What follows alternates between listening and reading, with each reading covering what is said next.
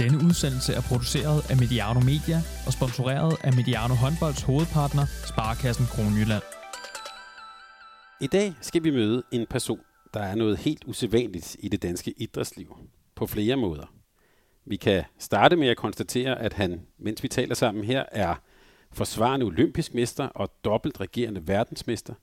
Det er der i det hele taget ikke mange, der kan bryste sig af i dansk idrætshistorie. Morten Olsen, velkommen til Mediano Håndbold. Tusind tak. Og tak fordi vi måtte komme ud og besøge dig. Det er jo før slutspillet går i gang og alt sådan noget, det skal vi tale med og øh, tale med dig om. Og vi, det her med det usædvanlige, det skal jeg nok komme tilbage til, hvad jeg mener med det. Men som en gæst er det jo høfligt at spørge ind til sin vært, så det vil jeg lige starte med. Jeg vil simpelthen spørge, hvordan går det med din lillefinger?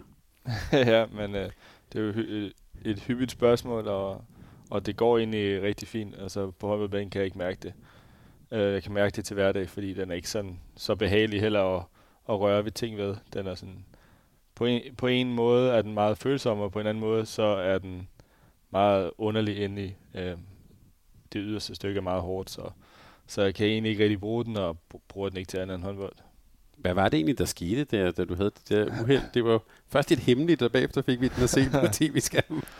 Ja, men det er også det er jo en virkelig svær forklaring, når man bare sidder og forklarer det, ikke? Men, men øh, jeg havde sat stangen ind øh, i sin squat rack, og, og så var den hoppet ud. Jeg troede, den var sådan sad fast inde i, i låsen der, men, men da jeg så prøvede, sådan, jeg tror, jeg gik lidt ud eller sådan noget, så begyndte den jo at falde af øh, stang, og så, så tog jeg fat i den. Øh, men da skiven så faldt af, så røg mine fingre øh, op i squat racket, øh, så den kom i klemme mellem stangen og, og sådan en squat rack der. Så øh, det var egentlig ikke, fordi det gjorde særlig ondt. Øh, det var bare, det var sådan en, med et lille niv, så jeg kiggede på den, og så kunne jeg godt se, at ej, vi, skulle, vi skulle nok køre mod sygehuset. Ja, for jeg skulle lige til at spørge dig, hvordan du egentlig har det med, med smerte sådan i den håndboldverden. Ja, men, ja, ja, men det var også det. Det, det gjorde slet ikke ondt. Øh, det var ikke... Øh, det var ikke sådan de tanker, jeg havde der, det var mere, det var sgu ikke så godt, nu kan jeg nok ikke spille her i weekenden, så, så vi måtte så skynde os på, på hospitalet, og så, så blev det jo hurtigt, spurgte jeg hurtigt de faldredder om, hvad regnede de med, om jeg ville kunne beholde den finger, eller om, om de ville tage den væk, og ja, der var ikke så mange, der ville have lyst til at give et svar, men jeg er glad for, sådan som det endte alligevel. Hvad har det gjort for dit håndboldspil? Man kan jo sige, at lillefingeren, og specielt sådan som du også afvikler dit skud, den har jo en vis betydning. Ja, men nu er det jo ligegyldigt. Uh, nu har den ikke uh, den, den indflydelse, som det har haft i lang tid. Uh, man kan sige, uh, fra jeg begyndte at spille igen der i starten af december til ja, i midten af februar, der har det været lidt irriterende. Øh, især da jeg spillede med skinnen. Øh, der, var det, der var det rimelig irriterende også i forhold til træning. Når jeg skulle tage den skin af, så var det sår, der var, det var jo brudt op hver gang. Så, så jeg havde sådan en åben sår i halvanden to måneder, hvilket jo ikke var særlig behageligt, og, og særlig rart at blive ved med at kigge på. Så, så det var egentlig det mest irriterende, men, men nu er det meget, meget fint egentlig. Jeg spiller bare med tape, og, og det går fint. Så du havde egentlig haft både dårlige fingre og corona samtidig? ja, jeg nåede faktisk, nej, men det var også ligesom imponerende, fordi at, øh, jeg nåede jo faktisk at skulle til at spille øh, kamp. Øh, øh, jeg havde faktisk, jeg var faktisk tæt på at spille den kamp op i Lemvi, øh, hvor, jeg, hvor jeg også løb og kastede lidt. Øh, og så var planen, at jeg skulle spille næste kamp, øh, og det blev vi jo så afbrudt øh, om mandagen, øh, hvor vi alle sammen har fået, fået corona, så der blev det så lige udskudt i, i 14 dage mere. Men øh, ja, det var, det var en flot, øh, flot, øh, flot planlagt. Men øh, Morten, tak for det, og godt, det går godt med fingeren. Øh, vi skal om lidt tale om sådan den helt aktuelle med sæsonen i GOG og i øh, European League. Vi skal tale om landsholdet, din spillestil, det at komme tilbage til den danske liga og meget mere. Men jeg tænker, det jo også er, er fint lige at starte med at ønske dig tillykke med sejren i grundspillet.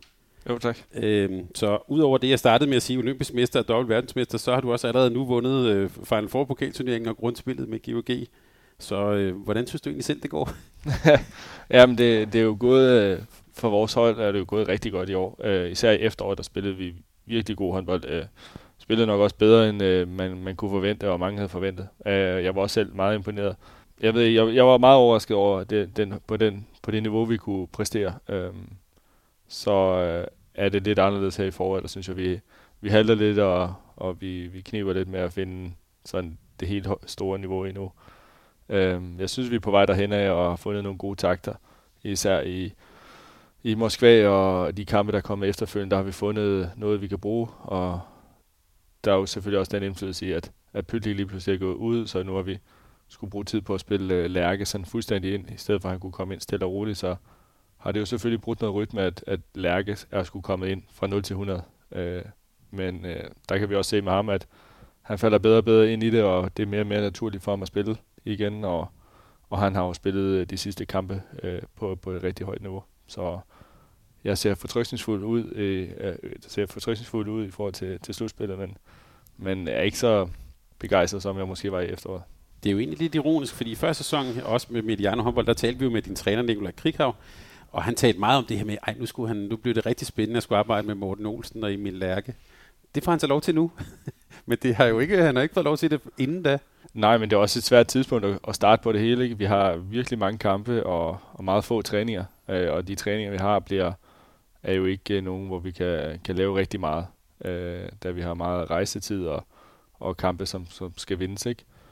Og, og derfor har vi jo ikke kunne gå i detaljerne, som man kan før øh, sæsonen starter, og også i løbet af, af sæsonen der i starten, der har man masser af tid til at, til at, til at lave en masse. Ikke? Og den tid har vi ikke lige nu, og derfor er det jo svært at få, få spillet sådan øh, et nyt, nyt hold, nu siger jeg et nyt hold, men øh, spillet Lærke ind på så vigtig en og en central position. Ikke? Øh, og det kræver kampe, og, og så kræver det lidt koncentration i de små træninger, vi har. Hvordan har det generelt været at, kan man sige, at vende tilbage til Danmark og oven i købet midt i sådan en coronasæson? Det føles jo ikke på en måde, at man kommer tilbage til Danmark, men man er jo ikke rigtig kommet tilbage til det rigtige Danmark mm. i forhold til at spille håndbold. Øh, der er meget få tilskuere der i efteråret, ikke? og der har ikke rigtig været, øh, ja, har været den stemning, som, som der plejer at være jo, så og heller ikke i, i klubben, kan man sige, der har jo heller ikke været øh, øh, ungdomshold og så videre i, i lang tid nu, ikke? Så, så det er slet ikke det samme, øh, som jeg selvfølgelig havde håbet på, men, øh, men ellers så, så er jeg rigtig glad for at være, være hjemme og bo i Danmark igen og, og spille øh, for GOG. Det er jo, synes jeg, en sjov pointe i, i GOG, hvor du også har været tidligere. Det, det er jo kendt for, at der er ligesom det her miljø og ungdomshold og sådan noget. Hvordan er det at træde ind i hallen nu? Er det bare sådan en spøgelsesstemning? Ja, der er ikke, øh, der er ikke mange i hallen. Øh, der er de sædvanlige, der er dernede, ikke? Og, og så videre. Så, og så er der os. Øh, og så der er ikke, det er ikke tit, der er andre i hallen end, lige os selv. Øh. Øh, og det synes jeg er lidt ærgerligt. Det var det, jeg havde glædet mig til at komme hjem til os. At, øh, at komme ned til ungdomshold også, og, de, og dem, når de træner og spiller. det var også en af de ting, som jeg glædede mig rigtig meget til at komme hjem til. for det, det havde vi heller ikke i, i Hannover overhovedet. Så ja, det, var, det er lidt ærgerligt, synes jeg. Hvad har egentlig været din, øh, din rolle? Man kan sige, at du kommer hjem, der er mange unge spillere og sådan noget. Hvad er egentlig din rolle på, øh, på øh, det GOG-hold, som er nu?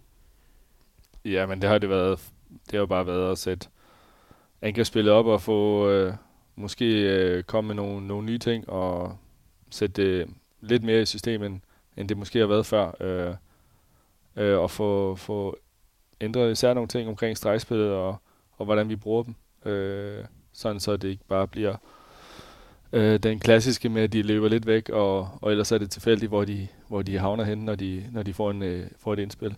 Øh, der har jeg, har jeg sådan selv øh, kommet med nogle ting, som, som jeg har lært fra, fra udlandet og fra, fra Tyskland, øh, og, øh, og de ting har vi sådan kombineret øh, i forhold til os. Øh, de øh, spillere, vi har. Øh, det er klart, at tingene skal jo passe sammen, og alle typerne skal jo passe ind i de ting, vi så, vi så gør, og det prøver vi jo at kombinere på bedst måde.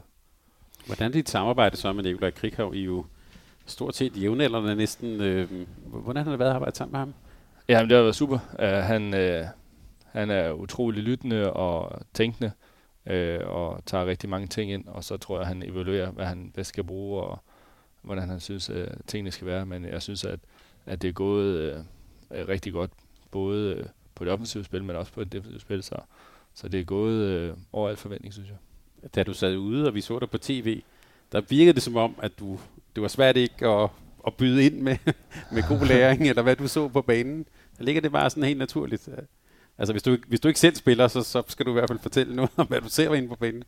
Ja, det gør det, gør det, det må jeg sige. Øh, hvis jeg ikke øh, selv spiller, så, så har jeg svært ved ikke at sidde og fortælle, hvad jeg synes, øh, vi skulle gøre. Men også, altså, det gælder også om at komme med, med gode råd og, og give de input, man nu øh, kan.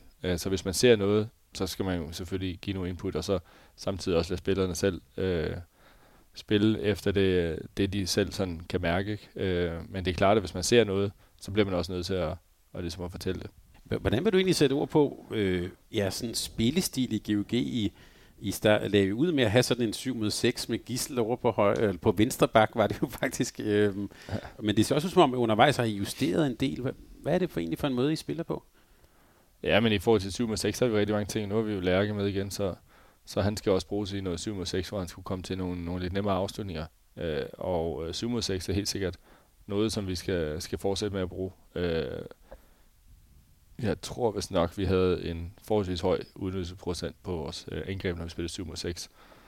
Så, så det er helt sikkert et værktøj, vi kommer til at bruge i, i slutspillet, når det kommer til at blive afgørende. Øh, også i, i og med, at vi skal spille mange kampe, og vi er stadigvæk med i Europa, så, så kan det godt være, være med til lige at tage nogle, nogle minutter i kampene, hvor, hvor man tager det lidt mere roligt, og ikke bruger så mange kræfter på, på duelspil og så videre, så, så bliver det en lille smule mere stillestående.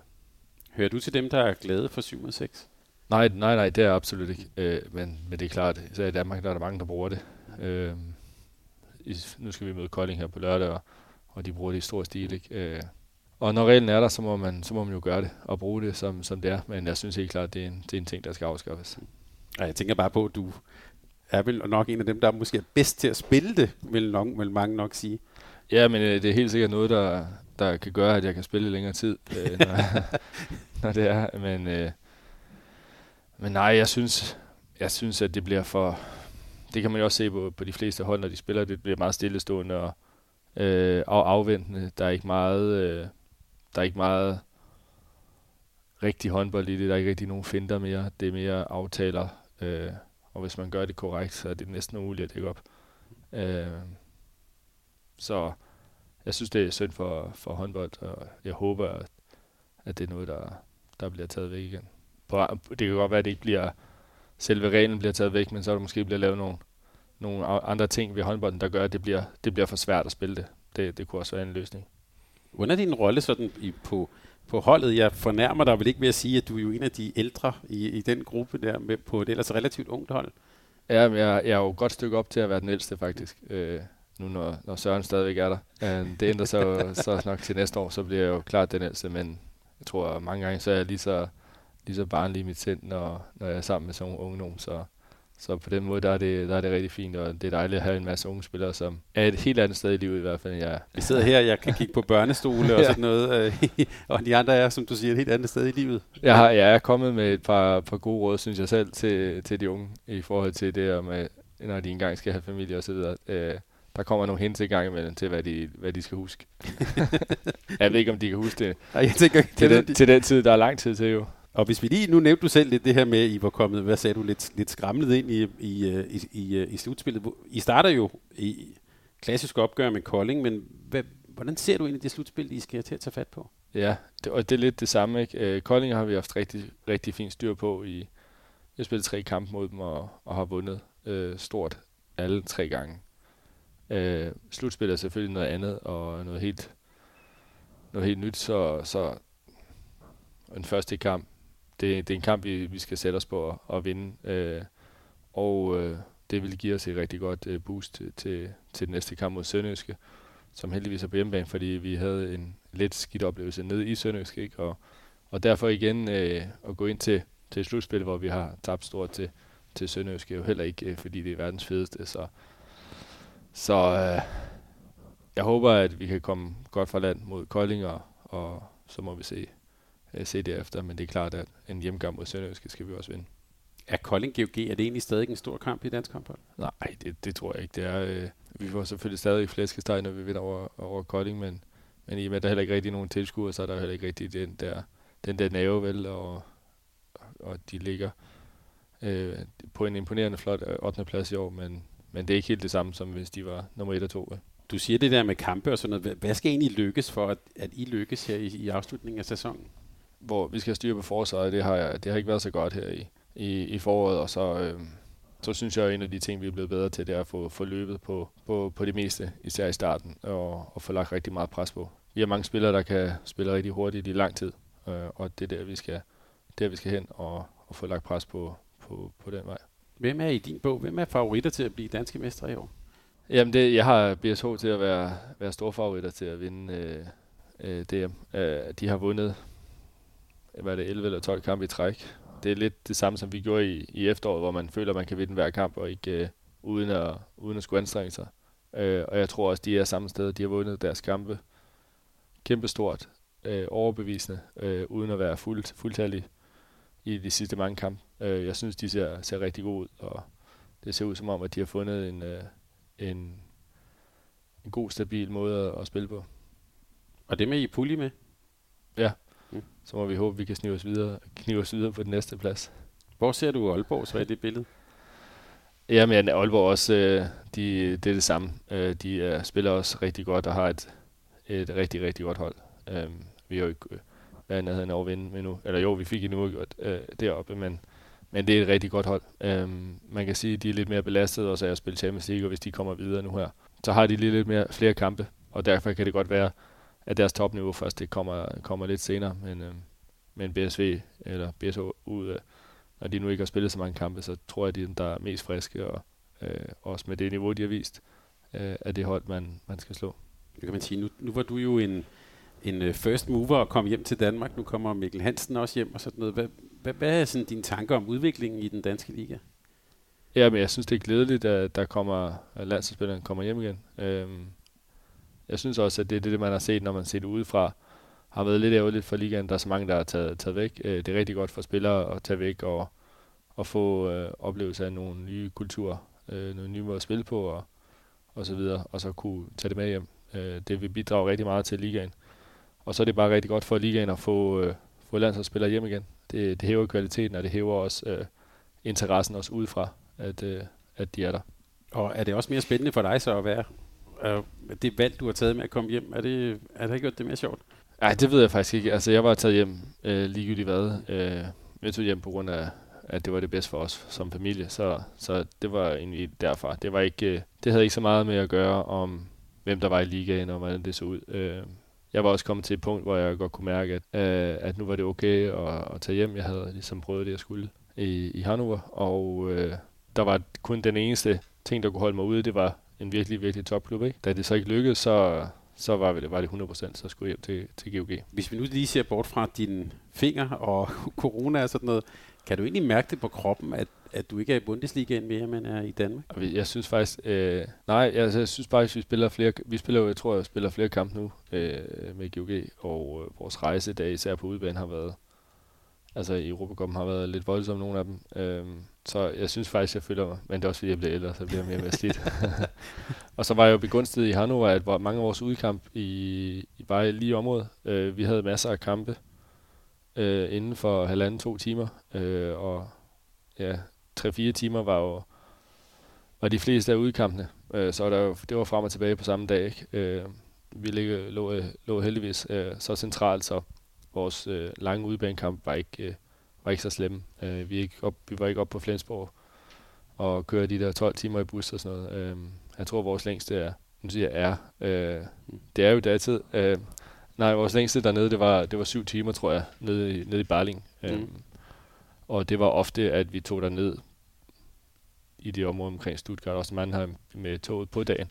Og så holdt der en bus og ventede på os, så vi kunne køre hjem. Øh, så så mine ture har ikke været så, så voldsomme. Så det der, vi hører, der er jo rigtig mange, der måske de her år delvist vælger Bundesligaen fra på grund af belastningen. Det, det var ikke sådan noget, der spillede ind i din, i din beslutning? Nej, ikke i forhold til, nu spiller jeg også kun uh, angreb, så, mm. så jeg er ikke uh, helt lige så belastet.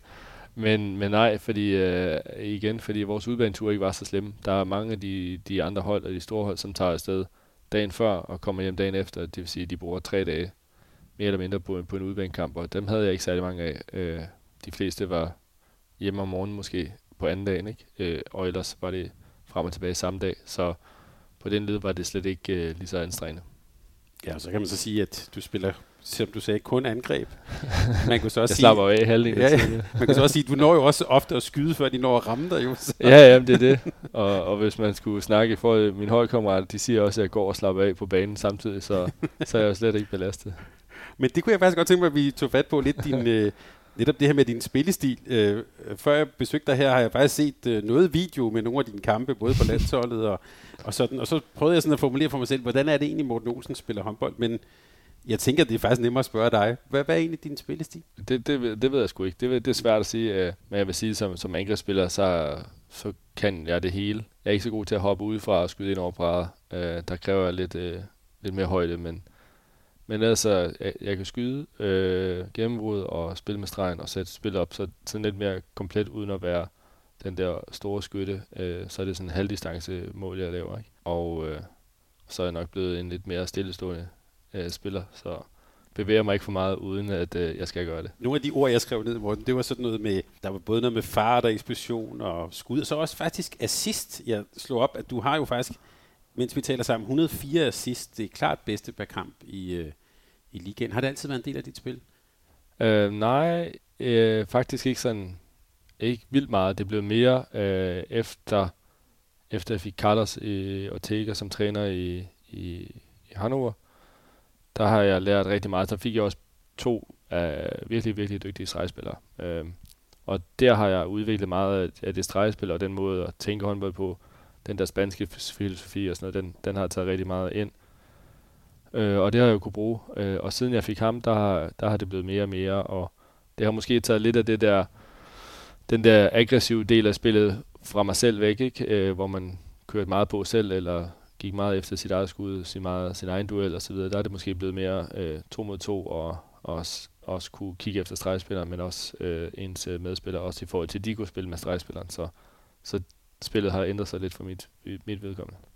Er du blevet mere, hvad kan man sige, øh, sikker spiller i din, i din udvikling? Øh, nej, det, det tror jeg ikke. Der er jo stadigvæk i og med, at man også skal spille med stregen, så kommer der nogle fejl og nogle, nogle misforståelser. Men, øh, men er nok blevet mere all-round.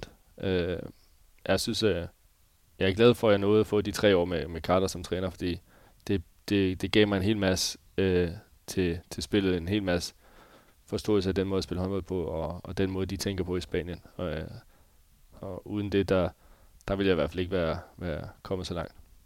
Jeg tænker bare, at det var min op- oplevelse, da jeg så dig som ung, når du kom ind. Det var ligesom at smide en bombe i kampen. Altså, der... Jamen, det var også det. Det var, det var nogle gange ligesom at se, uh, se de unge spillere, uh, nogle af dem spille, hvor jeg tænker, at uh, det, går, det går lige lidt, lidt for hurtigt, ikke? Uh, lidt for uovervejet nogle gange. Men, og det er jo klart, det er jo faser, man kommer igennem, og så lærer man mere og mere om håndbold, uh, om hvad der er nødvendigt, og, og hvad man skal gøre. Så, så man ændrer sig jo altid og, og lærer hver dag. Så, så det tror jeg også bare, jeg har gjort. Her på Mediano håndbold har vi jo en gang imellem talt en del om det her med forskellige personprofiler og sådan noget.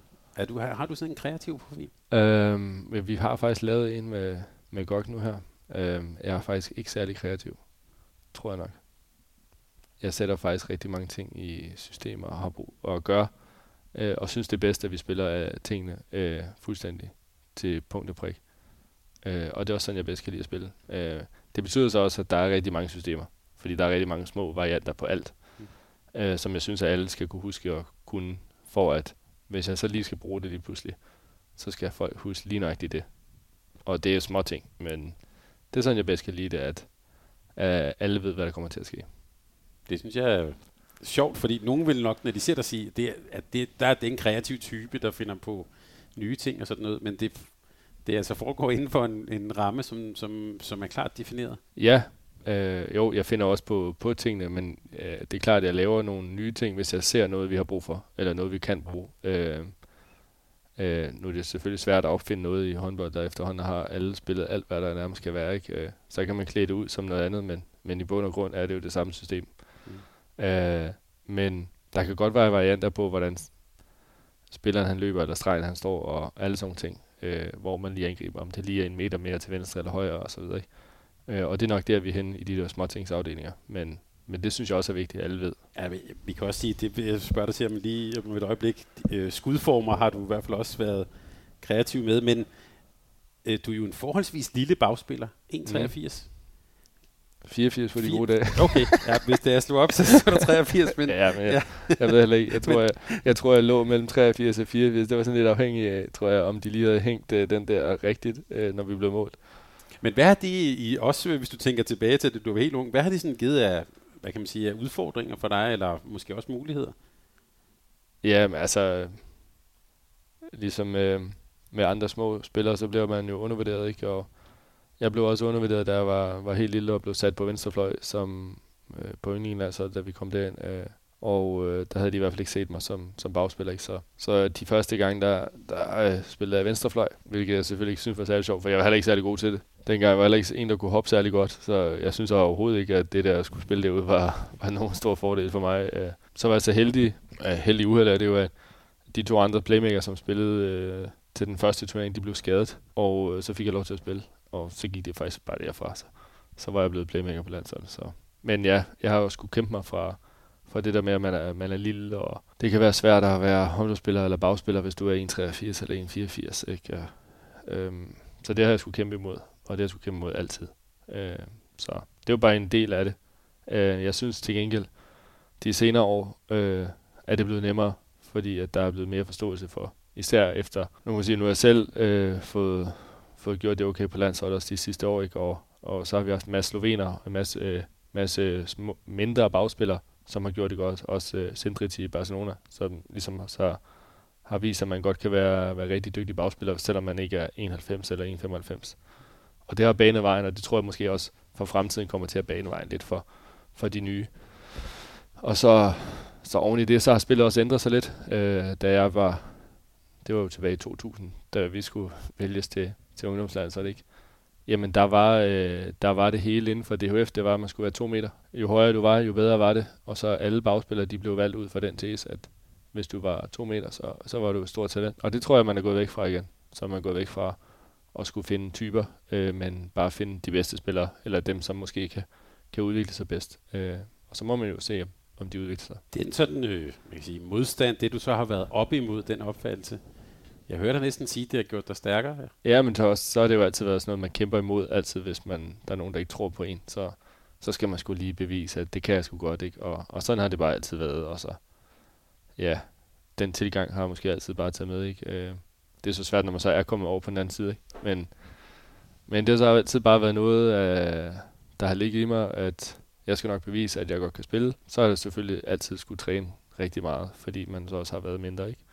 Øh, og det har jo krævet en masse selvtræning, men, men det har været det har været en fin tur. Er det stadigvæk din motivation?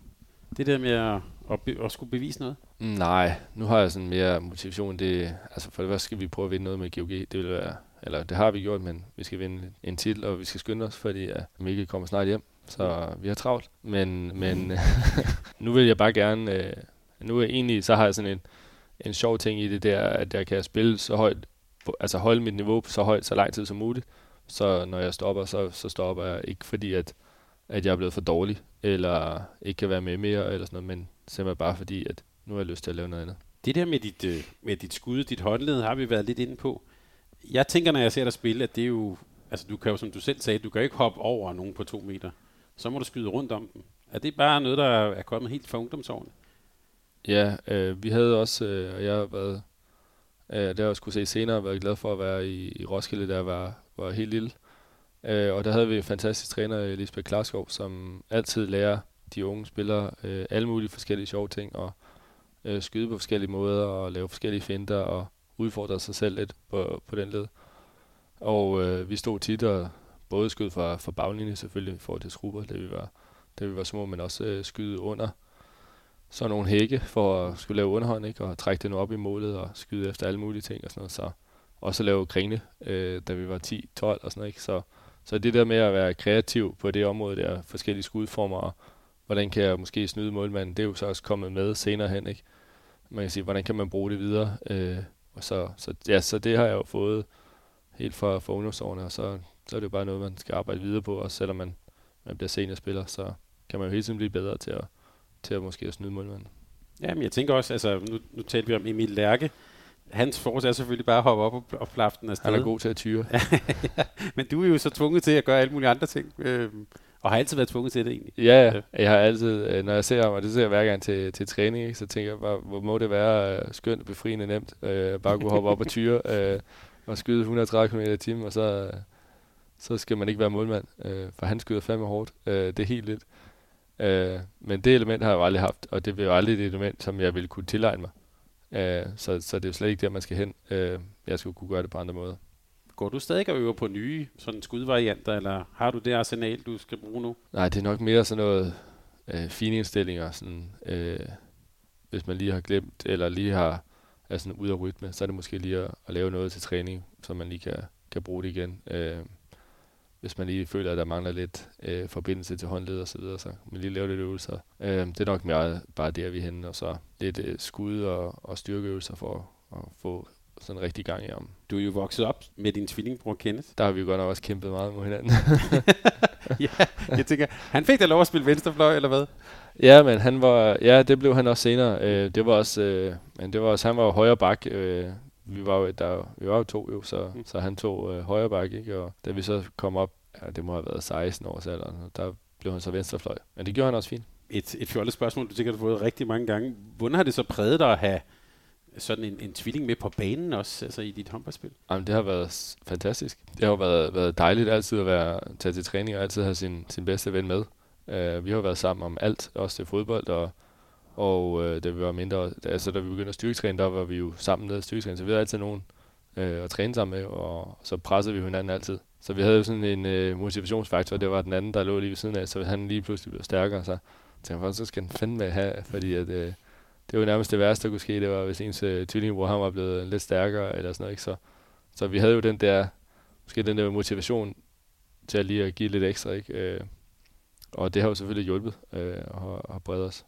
Men har der også været en konkurrence om, hvem er der blev så dygtigst til håndbold, eller kom længst? Nej, det, det tror jeg ikke. Ikke i forhold til håndbold, for det er, så, det, det er så anderledes på, på det område. Øh, men de andre ting der, der har der selvfølgelig noget, der er så sammenligneligt som, som at styrketræne. Det, det har vi selvfølgelig kæmpet af det. Det gjorde vi i rigtig lang tid. Øh, det gjorde vi sgu nok indtil, at han, øh, han blev knæskadet, så, så var der ligesom ikke så meget mere tilbage. Og man kan også, vi kan også sige til lytterne, for hvis der er nogen, der ikke kan huske det, I har jo faktisk vundet UVM sammen i Ungarn i 2005. Ja, det er lang tid siden. Jeg slog Serbien og Montenegro i finalen, måtte jeg lige stå op, det var, I stod der. Øhm, men jeg tænker også, det må vel være en, en speciel oplevelse sammen med sin bror og, og, og vinde sådan et UVM.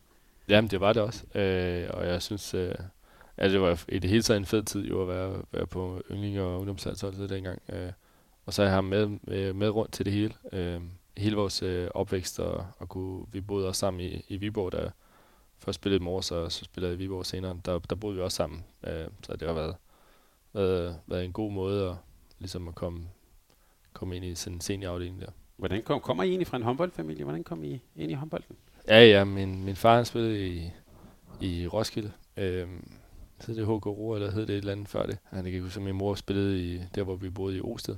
Øh, og så har jeg en storbror, som Øh, og så spillet heroppe i TMS og i Ajax, og ja, også i Roskilde, der vi ungdomsspiller som. Øh, så ja, vi er en, en håndboldfamilie, og startede meget tidligt. Så det er helt naturligt, at vi er blevet håndboldspillere. Mm. Og det der, øh, hvad hedder det, det miljø, der er i, øh, der er i Roskilde, er din bror stadigvæk i Roskilde? Ja, det er han. Han, øh, han skal være assistenttræner næste år, og øh, samtidig en fysisk træner og fysioterapeut deroppe, øh, og så har han fysioterapeut inden for Brøndbys øh, fodbolddamer. Så det er, der, det er håndbold hele vejen rundt. Det er håndbold og sport, øh, der kører vi stadig. Nu talte vi lige om, om Roskilde, og hvis jeg kigger sådan på øh, ned over listen af klubber, du har, du har optrådt for, så er der jo en del navne, men der er i hvert fald sådan to navne, der går igen. Det ene er GOG, hvor der er nu, og det andet er øh, Hannover i, i, i Tyskland, vi også har talt om. Hvorfor er det lige de to klubber, der er sådan, blev sådan nogle faste pejlemærker i din karriere? Ja, altså i GOG blev det jo der, der kom jeg over som, som U18-spiller der, og, øh, og var der i tre år, øh, og blev så sendt væk, fordi øh, de var åbenbart for gode til mig, så, så jeg blev sendt på, på lån på Mors, og, og endte så i Viborg i stedet for, men, men jeg havde en fantastisk tid i klubben. Øh, det er, jeg tror, man, når man først kommer derover, så bliver man lidt slugt af miljøet og, og stemningen og den familie der. Øh, og øh, selvom jeg sådan, sådan, kan man sige, blev sendt lidt væk, så, så var det altid en, en klub, som jeg gerne ville tilbage til, hvis det var muligt. Øh, og det har det bare altid været. Så, øh, og det kan jeg også godt mærke, når man kommer tilbage. Det, det er et fantastisk sted at være øh, som, som spiller. Så, så det er helt klart en af grundene til det. Og så har nu, der kom jeg bare ned, da øh, på et tidspunkt, jeg havde været skadet i, i rigtig lang tid, og, øh, og de tog en chance. Øh, og så var jeg der og sluttede af i, i den første periode, det, det tredje sæson, jeg var der, øh, der spillede vi rigtig godt og havde en, en fantastisk stemning i, på holdet. Øh, Og, øh, og da jeg så havde været i Frankrig, så var det bare et sted, jeg gerne ville tilbage til. Så, og så, så blev det bare øh, alle de år, jeg skulle være der. Set udefra, tror jeg, de fleste vil sige, det var der, hvor, hvor det virkelig sådan tog fart, da du kom tilbage til, til Hannover. Du nævnte også øh, Ortega som træner og så videre. Er det, var det også det, tænkte du også, det var der, der, der skete et eller andet ryg med dit spil? Jeg tror egentlig, at jeg altid har været typen, som hele tiden udvikler noget, eller hele tiden øh, prøver at gøre mig bedre og, og, og få nogle ting til, til en spil. Jeg synes, jeg tog, tog nogle rigtig store ryg, da jeg kom til Hannover, øh, også i og med, at det er så udfordrende at komme til, til Bundesliga. Især også at komme ned til, til et bundhold, som, som kæmpede for ikke at skulle rykke ned. De var lige, de havde overlevet en gang i Bundesligaen, og, og så kom jeg derned, og, og de første par år, det var at spille imod nedrykning.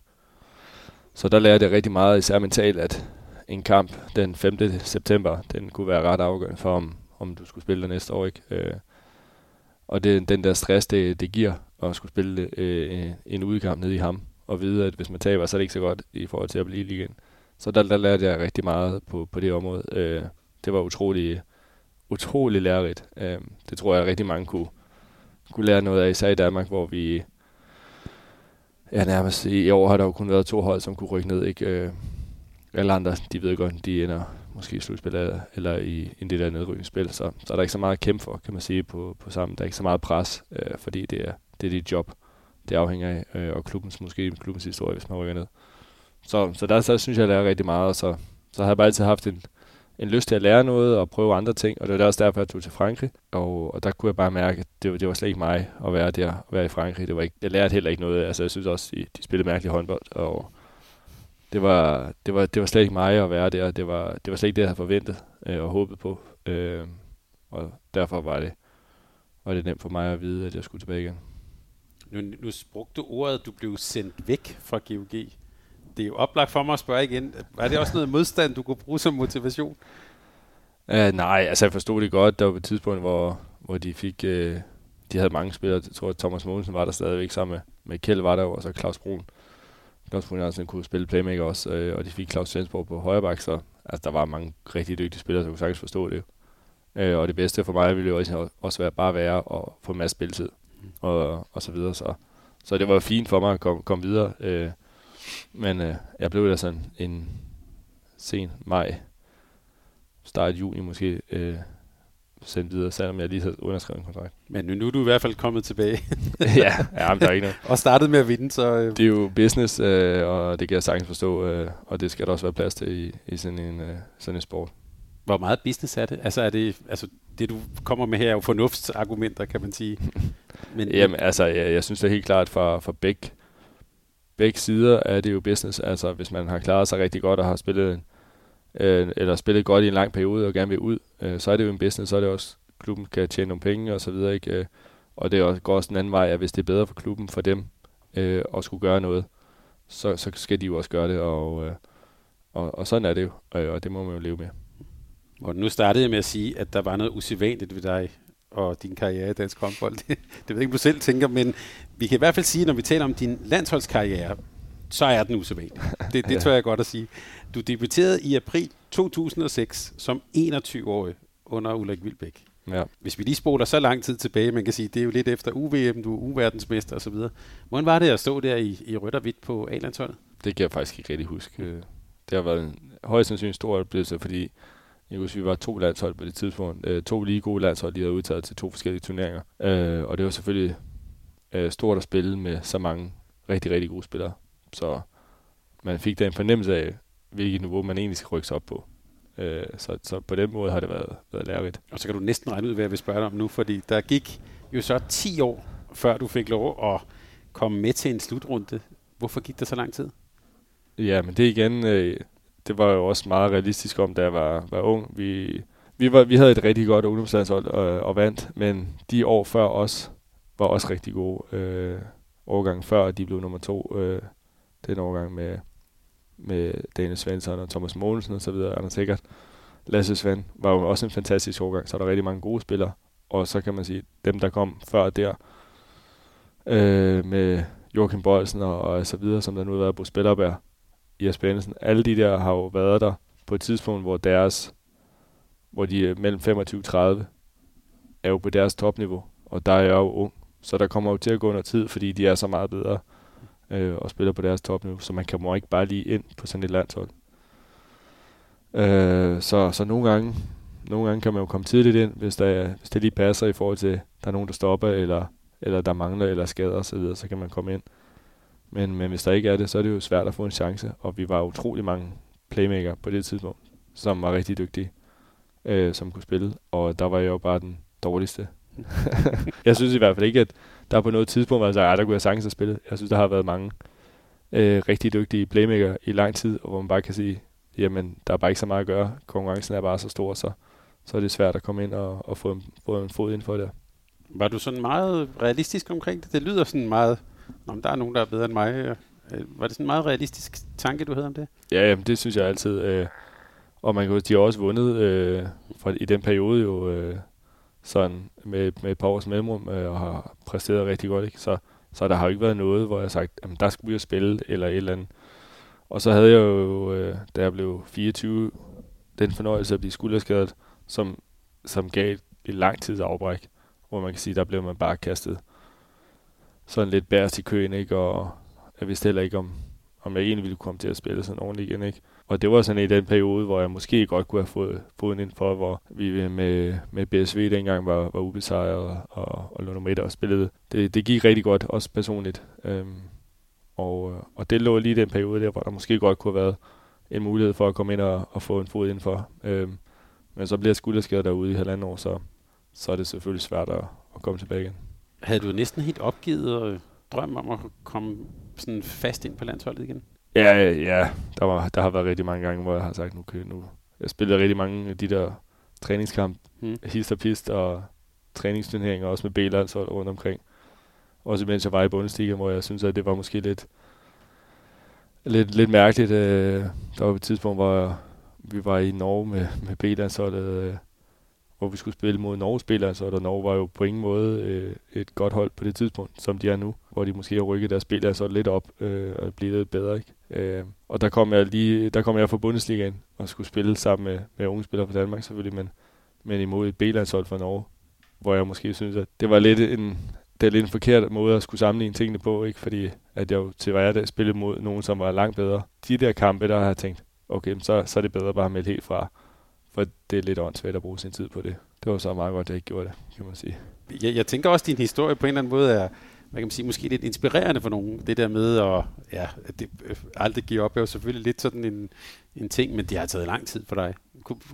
Hvordan har du, øh, altså har du, er du sådan en typen, der går til en sportspsykolog, eller hvordan kommer den der motivation? Hvordan har du kunne holde dampen op der? Ja, det, det ved jeg ikke. Jeg har altid, altså på sådan træningsmæssigt, har jeg altid bare trænet meget, øh, og haft mange interesser i også at træne, og øh, også i at ved, jeg ved, at, at den personlige træning jo gør en bedre på banen.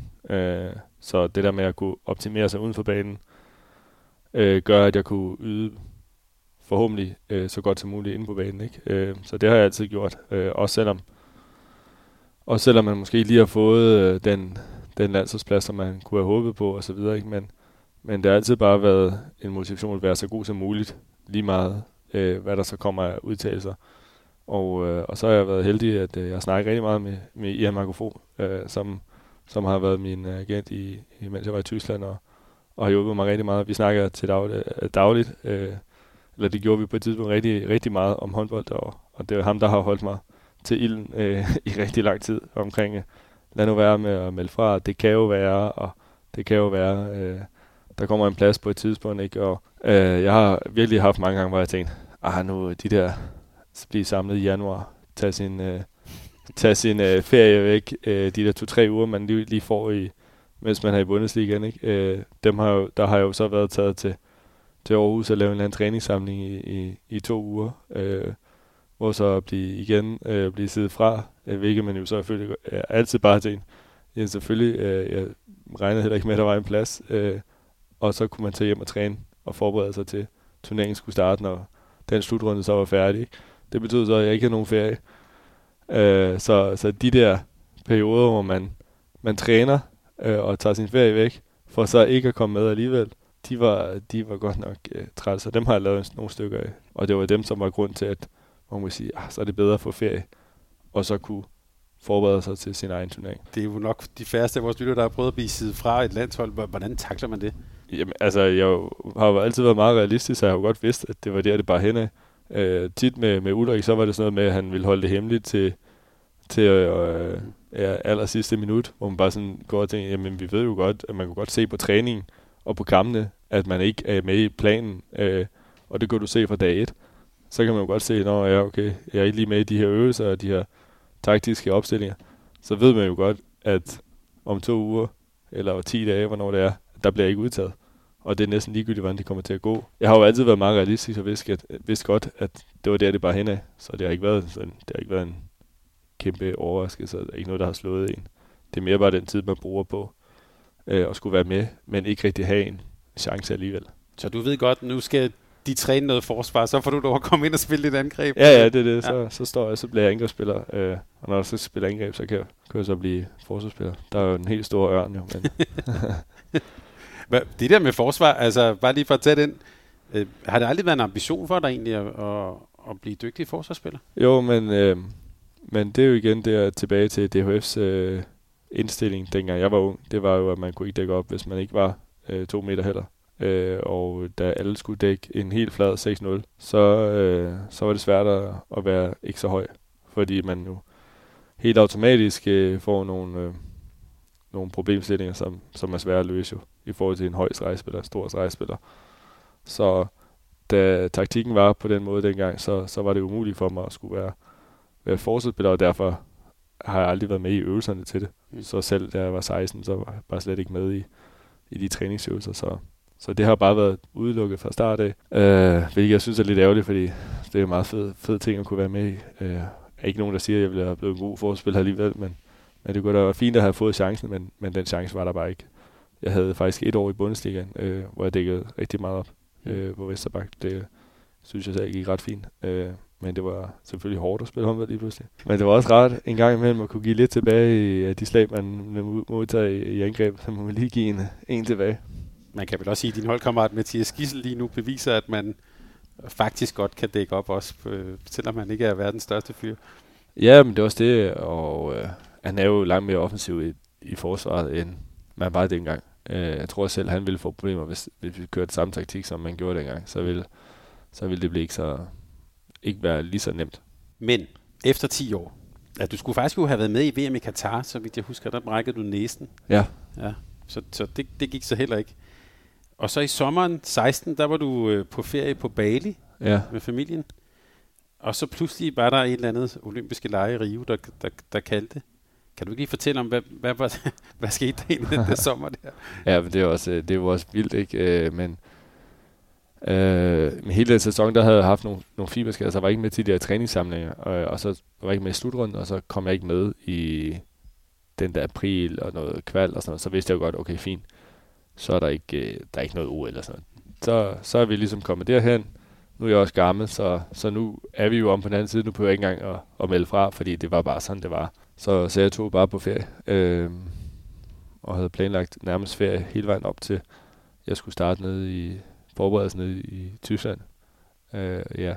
Og så mens jeg sidder på, på en, en bar nede i syd på Bali, øh, kigger ud over og ser solnedgang, så ringede Gudmundur og spurgte dem, om jeg ikke kunne komme hjem til, til et samling. Og det var, jeg tror det var to uger efter, vi skulle lave om i vores øh, fly i hvert fald. Øh, øh, var faktisk dernede og, og sammen med Alexander Lyngård og hans kæreste også. Øh, så vi skulle begge to øh, op og lave fly om og flyve hjem lidt tidligere.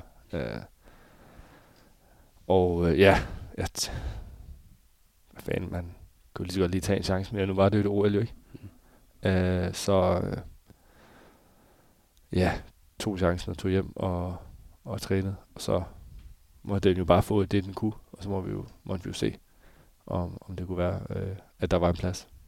Men beskeden var, kom hjem og træn. Det var ikke kom med til Rio. Det var, nej, nej, det var... Øh, det var, nu skal du end, endnu en gang hjem. Altså, jeg, jeg sagde da godt nok til ham, altså, lige så vi er enige om, hvis jeg skal komme hjem, så skal der også være en chance for. Altså, mm. jeg bad ikke om en plads på holdet, eller sagde, at jeg skulle med. Men jeg sagde, at der skal være en realistisk chance for, at jeg kommer med hjem, for jeg kommer ikke bare hjem og træner, øh, fordi at du skal lige bruge nogen til at træne eller andet. Så, men han sagde, at han kunne ikke love noget, men han vil gerne have, at jeg kom. Så, så det var så fair nok. Jeg har hørt Hanna Kruborg fortælle, at da du så kom hjem til den træning, der satte du nærmest ild i halvgulvet. Ja, øh, jeg har nok aldrig følt mig så godt kørende til en træningssamling, som jeg var lige den, den sommer der. Altså det var, øh, jeg ved ikke hvorfor, øh, men øh, jeg har det faktisk altid rigtig godt efter en sommerferie, efter en pause, øh, hvor jeg kunne øh, få styrketræner og løbetræner. Øh, der på en eller anden måde, så har jeg mine ben er friske og så videre. Så, så jeg havde det utrolig godt, øh, og øh, følte mig øh, rigtig godt kørende. Hvordan var så oplevelsen, og altså man kan sige, slutrunde erfaring, ja, det havde du så på uge siden, men at træde direkte ind i, en, i, en, i et OL, det er jo for mange once in a lifetime oplevelse. Hvordan var den for dig? Ja, men altså, jeg synes jo stadigvæk, at dengang vi var afsted, at det var som at være på sådan en sommerlejr. Det var sådan lidt hyggeligt, og der var jo ikke rigtig noget, at der var meget minimalt øh, presse, og øh, man gik rundt i den der boble derinde, så, så det var bare et leder, og, og på en eller anden måde ligesom at være afsted på sådan en, en håndbetur, som man altid har været. Ikke? Øh, og sådan følte jeg egentlig, det var, og sådan tog jeg det. Og, øh, og jeg tog også derned jo, at jeg vidste godt, at jeg ikke havde den store rolle til at starte med. Øh, det fik jeg jo senere, men, men derfor tog jeg også bare det hele som en, en stor oplevelse, og jeg vil rigtig gerne have alle, alle tingene med, og også derfor på, da vi, da vi går ind på, på stadion til, til åbningsceremonien, der blev jeg der også, indtil det sluttede. Så jeg kom sent hjem om, om natten sammen med Kasper U, fordi jeg, jeg havde bare den der, det er den eneste gang, jeg oplever det her, eller oplever et eller andet, så skal jeg være der så længe som muligt, og have det hele med, øh, og så må vi tage det andet senere hen. Jeg sagde, du var usædvanlig, og nu vil jeg lige læse noget højt for dig her. OL 2016. Kvartfinale, 6 mål. Semifinale, 7 mål. Finalen, 4 mål. Så kan vi så sige VM 19. Øh, der spiller du kvartfinale, der har scoret du øh, et mål. Semifinalen, 5 mål. Finalen, 8 mål. Og her senest kan vi også bare sige, øh, VM i Ægypten øh, mod Ægypten, der tror jeg faktisk ikke, du var inde. Jeg var inde i to minutter. Ja. Jeg nåede lige at smide bolden væk. Det er rigtigt, ja. Semifinalen mod Spanien, fire mål. Hvorfor er det, at du er bedst, når det gælder i sådan nogle kampe her? Nej, det, det ved jeg faktisk ikke. Øh, men igen, så var det jo for mig øh, den første turnering i, i OL. Øh, for det første spillede jeg rigtig godt, og havde en god fornemmelse. Og så synes jeg bare, det var sjovt øh, at være der. Jeg tænkte faktisk mere på, at, være, at, at det var OL, vi var til, og jeg skulle opleve alle mulige ting øh, de andre dage, eller se nogle ting, og, og, og så videre. Ikke? Så jeg nåede egentlig ikke at tage det sådan, så højtidligt at være der. Øh, og derfor tror jeg også, det blev sådan meget afslappet hele vejen. Kvartmænd, der havde jeg bare sådan, nu skal den bare fra start af. Der er ikke noget med at holde igen. Og da det gik godt, så var det det samme i semifinalen. Og i finalen, der gik jeg bare og kiggede på Mikkel i første halvleg, der lavede mål fra alle mulige vinkler. Og, gik, og der løber jeg på et tidspunkt også, og løber og griner på vej ud, for jeg tænker, men vi kan, ikke, vi kan ikke undgå at vinde den her finale, når Mikkel han spiller på den her måde. Fordi at det var lige meget, hvad de gjorde, så kunne han lige øh, skyde ind over dem, eller skyde rundt om, og så videre. Og alt gik jo bare ind i den første halvleg. Så jeg tænkte, fint, det har vi styr på. Øh, det bliver til, til guld. Det var en, øh, selvfølgelig en fed, fed første turnering at have. Øh, og så havde vi en slutrunde øh, efter i 17, som slet ikke var på samme niveau. Øh, jeg var skadet øh, under hele turneringen, hvor jeg havde øh, forstrækning i læggen, og jeg kunne ikke rigtig, øh, jeg kunne ikke rigtig løbe på mit venstre ben. Og vi fik, vi fik også en dårlig oplevelse i til hvor vi rød til, til Ungarn. Øh, og siden da, der har jeg bare sådan, det der, det skal ikke, det skal ikke ske igen ikke noget med at frygte, at man ryger ud til, til Ungarn på en eller, anden, en eller anden dum måde. Så det er ligesom om, at man bare sådan at tage sådan en, øh, en beslutning om, at jeg vil hellere vinde turneringen, end jeg vil være bange for at, tabe den. Men du må undskylde, hvis jeg siger det her, som vi siger nu, men det lyder jo ret vanvittigt, at du, altså, du har 10 år ikke været med til en slutrunde, og, og nogen vil være onde tunge, måske sige, det er en eller anden evighedstalent og sådan noget og så bliver du kastet ind fra Bali til en OL-slutrunde, og når det så er allervigtigst, så spiller du som om, du har været en del af det her hold i, i rigtig mange år. Hvordan fanden kan det lade sig gøre? Ja, det ved jeg faktisk ikke, men faktisk også i løbet af turneringen fik også, øh, det blev til at fik lidt mere frihænder. Jeg fik også plads til at sige til Gudmund, at han bare skulle sætte sig ned og slappe lidt af, fordi han, han tit øh, til sidst i gamle blev sådan lidt op at køre, og øh, havde lidt svært måske med at øh, måske godt kunne miste, eller blive sådan lidt urolig, øh, hvor jeg tit bare sagde, gud, tag nu roligt, vi har styr på det, øh, vi skal nok øh, klare det. Han var sådan, ja, okay, okay, okay. Og, og ligesom, hvis, jeg har det bedst med at få lov til at, øh, og bestemme og dirigere og snakke med assistenttræneren om, om, hvad der kommer til at ske, og, og Kronborg er utrolig god til det, og har været utrolig god til at gøre det øh, gennem de turneringer, øh, og lige spare lidt Øh, og sådan har det været altid for mig også i Hannover med, med Ika Romeo. Han sad også lige ved siden af mig, og der kunne vi altid sidde og snakke øh, om tingene. Men jeg har det bedst med at være i sådan en flow i forhold til at øh, fra start af og finde en anden rytme i forhold til hele kampen. Øh, og, øh, og det fik jeg jo til OL, for jeg fik rigtig meget spilletid til sidst. Øh, og derfor følte jeg selv, at jeg kunne sådan dyrespille. Det er jeg vil gerne ville i løbet af en kamp. Nu sagde du den der første halvleg, så vidt jeg husker, scorede Mikkel Hansen syv mål i den første halvleg. hvad, hvad, du, du, sagde, du havde den der følelse af, at det her, det kan, den vinder vi. Ja, men for det første havde jeg faktisk en fornemmelse inden kampen, øh, som sagde mig, at vi ville vinde. Altså en rigtig sådan en, sådan en fornemmelse af, at det her, det kommer, altså, det kommer til at ske. Øh, den fornemmelse havde jeg øh, inden kampen, og øh, så kommer vi lidt i gang. Vi har faktisk, når jeg sad og set den igen, vi har faktisk nogle, nogle boldtab, men øh, i 7 6 spillet. Og folk sagde jo, at vores 7 6 var så godt, men øh, de, de scorede to-tre gange topmål, tror jeg. Øh, så reelt set var det ikke så godt. Øh, jeg tror bare ikke, vi skulle kæmpe lige så meget, mm. så vi havde nogle kræfter til, til sidst i anden halvleg. Øh, men når man så ser Mikkel lave sådan nogle mål, og, og nogle af dem er vanvittige, så, øh, så kunne jeg ikke lade være med at grine. Øh, og jeg kunne ikke lade være med at have det sjovt, for jeg synes, det var fedt. Øh, og det, når du tager den fornemmelse fra før kampen, vi kommer til at vinde, så ser du Mikkel, okay, vi kommer faktisk til at vinde. Så var jeg bare, jeg var helt sikker på i halvlejen, jamen, altså, jeg kan ikke se, hvordan de skulle kunne stoppe det her. Jeg havde utrolig stor selvtid, så jeg følte jo nok, at på et tidspunkt, hvis Mikkel han ikke øh, kunne så meget mere, at jeg skulle nok øh, kunne lave nogle mål også. Øh, så øh, det var sådan en fantastisk følelse af, at jamen, vi er på vej mod guldmedalje, plus at for os var en sølvmedalje også fantastisk jo. Øh, så det var den der underdog, vi har alt at vinde. Øh, og ja, så var det bare en, en fed fornemmelse at spille den kamp. Men vi VM på hjemmebane i 19, der kan man ikke kalde jer underdogs på samme måde i hvert fald. Nej, der, der skulle vi vinde. Øh, det må man sige. Ja, det var ligesom, at alle var klar, og det hjemmebane og alt sådan noget. Det, der, det lå som i, i sol og stjerner og måne og så videre. Men det blev jo også igen, nu læste jeg lidt højt før, semifinal finale. Men op til da var der jo alle de her historier om, at du vægtrænede om natten og, ja. og alt det her. Øh, hvad var det for et VM for dig? Jamen, det var rigtig, det var rigtig fint. Øh, det var en kæmpe oplevelse øh, at opleve så mange danske tilskuere, øh, så meget stemning. Øh, det var helt vildt. Altså, man behøvede nærmest ikke selv at gøre sig nogle tanker omkring at skulle ind og spille en kamp og, og være klar til det, fordi øh, bare det, man skulle løbe ind og varme op, det var nok til at få en op i, i det tog, man skulle være i. Så det var en fantastisk oplevelse. Ja, det er klart, at jeg ville selvfølgelig gerne spille nogle flere minutter, når, når oplevelsen også var så stor. Bare det at løbe ind på banen, ikke? så ville man gerne spille noget mere i løbet af kampen også.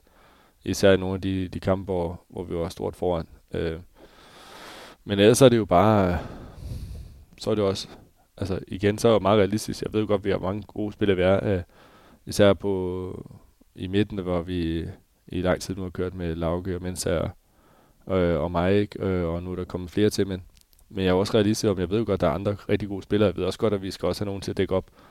Så når man ikke spiller, så er det, så er det jo trænerens valg ud fra, øh, hvordan kommer vi bedst igennem kampene og turneringen. Øh, og det har, jeg, det har jeg helt forståelse for. Øh, så er det jo bare det med at træne om natten. Det er jo bare, fordi vi spiller så sent. Så hvis jeg skal styrketræne, så, så i løbet af sådan en turnering, der er det bare nemmest at gøre det. Også fordi jeg sover sent efter en kamp.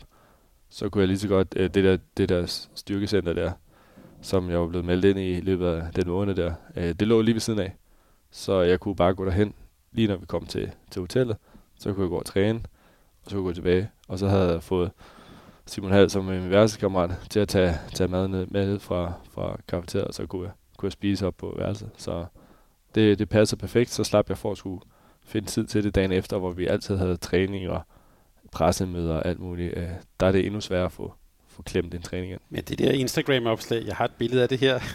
Hashtag Kasper Witt. Øh, det blev i hvert fald tolket som, jeg vil ikke sige sådan en, en, en fuckfinger, men det var i hvert fald sådan, der var noget trods i det. Det var det også. Men det var også fordi, jeg synes, øh, det er tilbage til det med, at man altid skulle kæmpe for at komme dertil, hvor man er, og, øh, og jeg har altid trænet rigtig meget, og altid gjort, hvad jeg kunne for at gøre mig klar til, hvis jeg så skulle spille. Øh, der er jo ikke nogen grund til at sidde og dogne den i to uger under en slutrunde, og så være øh, halslatten, når kampene skulle afgøres, øh, eller turneringen skulle afgøres. Og derfor træner jeg, derfor tog jeg det også som en opgave at gå ned og gøre det. Det er ikke alle, der gør det. Øh, og det er ikke alle, der har måske motivation til at gøre det, eller viljen til at gøre det, eller ikke får gjort det lige så meget. Og, øh, og da han så siger på, på tv, at, at det var for omtalende og så videre, så synes jeg, det var, øh, det var meget øh, respektløst og øh, meget, meget dårlig stil for en, en spiller, som selv har været øh, på landsholdet og har været, haft en stor karriere. Han har nok ikke selv stået i situationen, hvor han skulle kæmpe så meget for tingene, fordi han altid har været den bedste, så, så har han måske ikke lige haft øh, samme syn på tingene, øh, men, men jeg synes, det var meget respektløst, øh, og, øh, og så fandt jeg, synes jeg, det blev en god måde at, at sige, jeg har set, hvad du har sagt, og jeg synes, du er en torsk. Betyder det noget, hvad kommentatorer og eksperter og sådan noget står og siger i et studie? Øh, nej, det får jeg, jeg får slet ikke set så meget, øh, men lige nok det, det der var noget, jeg fik at vide. Så øh, da det var, så, fik jeg jo, så skulle jeg jo se det, fordi jeg synes, at det, det var lidt mærkeligt. Ikke? Og så lige nok i sådan en situation ser man, men ellers så ser jeg ikke studier og så videre. Øh, det bruger jeg ikke så meget tid på. Øh, hvis der er der noget, jeg skal se, så ser jeg kampen igen. Øh, der hører man selvfølgelig kommentator, eller man kan selvfølgelig også godt skrue ned, men det gør mig ikke så meget, øh, hvad, hvad de siger. Man kan sige, de har jo ikke det 100% overblik om, hvad taktikken har været osv., så, så man, men lige nok det er sådan noget, som, som jeg føler bliver, bliver personligt angreb, og ikke bliver noget omkring håndbold, så synes jeg, det bliver for meget. Det virkede jo næsten, hvis vi tager det VM og de to sidste kampe, som fantastisk god motivation. Hold dig ude, hold dig. gør, jeg ved gør ikke, hvorfor. Gør dig øh, topmotiveret, og så bare slip dig løs, i øh, specielt i semifinalen og finalen. Ja, men det er jo igen... Øh, jeg ved ikke, om Nicolai har sagt, eller har, har ville gøre det fra start af, og havde en plan med det. Øh, men, men det virkede jo utrolig godt til sidst, kan man sige. Ikke? Er den semifinal mod Frankrig, er det den bedste kamp, du har været med i? Ja, det ved jeg sgu ikke. Altså mod Norge, vi var også foran med 10-11 stykker ja. på et tidspunkt. Ikke? Altså, det var også imponerende, men det var jo en rigtig hjemmebane. Ikke? Det var det jo ikke mod Frankrig, øh, i og med, at det var nede i Tyskland. Men det var nok der, hvor vi sådan første gang viste, okay, det bliver et niveau over. Måske var vi to niveauer over Frankrig på den, på den, på den dag. Ikke? Øh, og så gjorde vi det igen øh, to dage senere mod Norge men i og med, at det var den første mod Frankrig, det var ligesom der, der, der gav mest opmærksomhed. Men det var næsten også en, en perfekt kamp på nær ikke. Det gik ikke så meget op i anden halvleg, mm. men, men at, altså at gå fra altid have svært ved at slå Frankrig, til så at udradere dem, det var et stort spring. Øh, så jeg tror, på den led, der har det været den bedste kamp. Er det jo, altså, er sådan en kamp, er den sjov at spille også? Altså nu nævnte du OL-finalen, men sådan en, den der semifinal, sådan, er det, har man sådan en god fornemmelse i kroppen, når man spiller der? Altså i løbet af, løbet af kampen kan man godt se, hvor det bærer hen, ikke? Mm. Øh, når tingene bare øh, rammer, alle rammer højt niveau, ikke? nu spiller jeg selv en god semifinal der, men, men altså Lauke og Mikkel og, og Mensa spillede også fantastisk, og forsvaret godt. Øh, altså, der var, jo ikke, der var ikke nogen, der ikke kunne score den dag, så altså, når alle rammer så højt niveau, og det var jo også tilfældet så i finalen, ikke? Når alle rammer så højt niveau, så har vi også så mange gode spillere, at så, så er det simpelthen for svært øh, at lægge taktik mod os. Så bare, kan man sige, Ægypten her, også afsted. Lidt det samme også, du bliver holdt lidt ude og kommer ind i semifinalen og sådan. Var, var det den samme type turnering, eller hvordan? Nej, vi har spillet faktisk noget mere i, i løbet af den turnering, øh, også i starten. Så havde vi nogle kampe, hvor, hvor vi var lidt syge, og hvor tingene måske ikke lige passede, men, men jeg spillede faktisk sådan egentlig, sådan egentlig rimelig meget, øh, og var egentlig, var egentlig okay øh, på det. Øh, så må sige, så spillede jeg ikke mod rigtigt, jeg spillede ikke rigtig mod Ægypten, men fik lov til at spille mod, mod, mod Spanien. Og ja, igen, øh, når man vinder, så har man jo ret. Så den måde, vi har gjort tingene på, de, kan, øh, de der turneringer har jo været, været det rigtige. Hvorfor blive verdensmester igen? Øh, jeg synes faktisk ikke engang, vi spillede særlig godt. Jeg synes, vi spillede rigtig, rigtig godt mod Spanien og rigtig mange puljer mod Kroatien. Øh, og rigtig mange af de der puljekampe, de er bare så svære at bedømme, fordi at modstanden simpelthen var for dårlig. Så, så det, er sådan, det, er sådan, det er sådan lidt svært at sige, var vi gode, eller var de andre bare ikke gode nok, kan man sige. Ikke? Øh, jeg, synes, øh, jeg synes ikke engang, vi var sådan særlig gode imod Sverige. Jeg synes bare, jeg tror egentlig, vi bare var det bedste hold, uden at det var på niveau med, med 19 for eksempel. Og så er det jo oplagt at spørge dig, der er jo formentlig måske et OL i, øh, i den her sommer. Bliver det med Morten Olsen? Det håber jeg. jeg håber, jeg kommer med. Jeg har siden øh, vi var med i 16, der var, har jeg altid tænkt, bare hvis jeg lige kunne få lov til at være med bare en mere, ikke? Fordi sådan en turnering, altså, selvfølgelig er det en lang tid, ikke? Men lige pludselig, når det bare overstået, så kommer man til, ah, fuck, jeg vil gerne lige, skulle lige have haft noget mere med, ikke? Øh, fordi det er så specielt at være til OL. Så jeg håber, at jeg kan få lov til at være med i lige en mere. Og så tror jeg nok heller ikke, at jeg når flere. Men, øh, men en mere vil jeg gerne. Ah, OL. ja, det var svært, aldrig svært. Hvordan, ser du, hvordan tænker du egentlig så, øh, nu kan man sige, det er jo den nære fremtid, og vi har også talt slutspil. Hvor, hvor, hvor lang tid bliver Morten Olsen vel med at, at spille håndbold på topniveau? Ja, det er et godt spørgsmål. jeg ved det faktisk ikke. Øh, det bliver nok meget afgørende om, hvad der kommer til at være for andre muligheder. Øh, så, så det kommer nok til at bestemme, hvornår det er, at øh, jeg stopper. Fordi altså, sådan, som kroppen har det, og som, som det fungerer, så, så kan jeg egentlig godt spille i en del år endnu. Øh, det er mere et spørgsmål, om jeg har lyst til at fortsætte med at spille. Og nu har jeg jo den her sæson færdig og to mere i, i GOG. Og så må vi jo se, øh, om det strækker sig længere det, eller, eller hvad det gør. Øh, men jeg har også nogle ambitioner øh, uden for banen, så, så det vil jeg også gerne prøve, inden jeg bliver for gammel. Det skal du lige fortælle om. Hvad er det her til sidst til lytterne? Hvad er det for nogle ambitioner? Jamen, jeg vil utrolig gerne være træner, og det har jeg vil øh, altid, øh, siden jeg var også var lille. Så jeg har altid gerne været træner, og, har, øh, og det har også været en af grundene til, at jeg gerne har vil ud og opleve andre ting. Øh, jeg har altid gerne vil spille i Spanien, øh, så lukkede de lidt ned for, for håndbold, ikke? og så har det været svært at komme derned og lære de ting. Så derfor er jeg også ekstra glad for, at noget for få Carlos og Igor Romeo som træner i, i, i Hannover, fordi jeg har fået rigtig meget med fra dem. ikke. Øh, så mange af de ting øh, er noget, som jeg gerne vil lære, fordi jeg gerne vil være træner også senere. Øh, og, øh, og det har altid været en ambition for mig at blive træner, og det vil jeg stadigvæk øh, rigtig gerne. Øh, og det er også derfor, at jeg kommer nok til at stoppe med at spille den dag, jeg ved, hvad jeg så skal øh, som træner. Morten, det synes jeg er et godt sted at slutte. Og vi heldigvis, at vi kan få lov at beholde dig i, øh, i håndbolden. Tak fordi vi måtte komme på besøg hos dig her.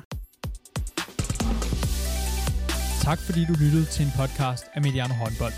Hvis du kunne lide udsendelsen, så husk at abonnere på Mediano Håndbold, der hvor du hører podcasts. Så får du den seneste udsendelse serveret direkte til dig. Du må gerne fortælle dine venner om os, og husk at følge os på Facebook, Twitter og Instagram.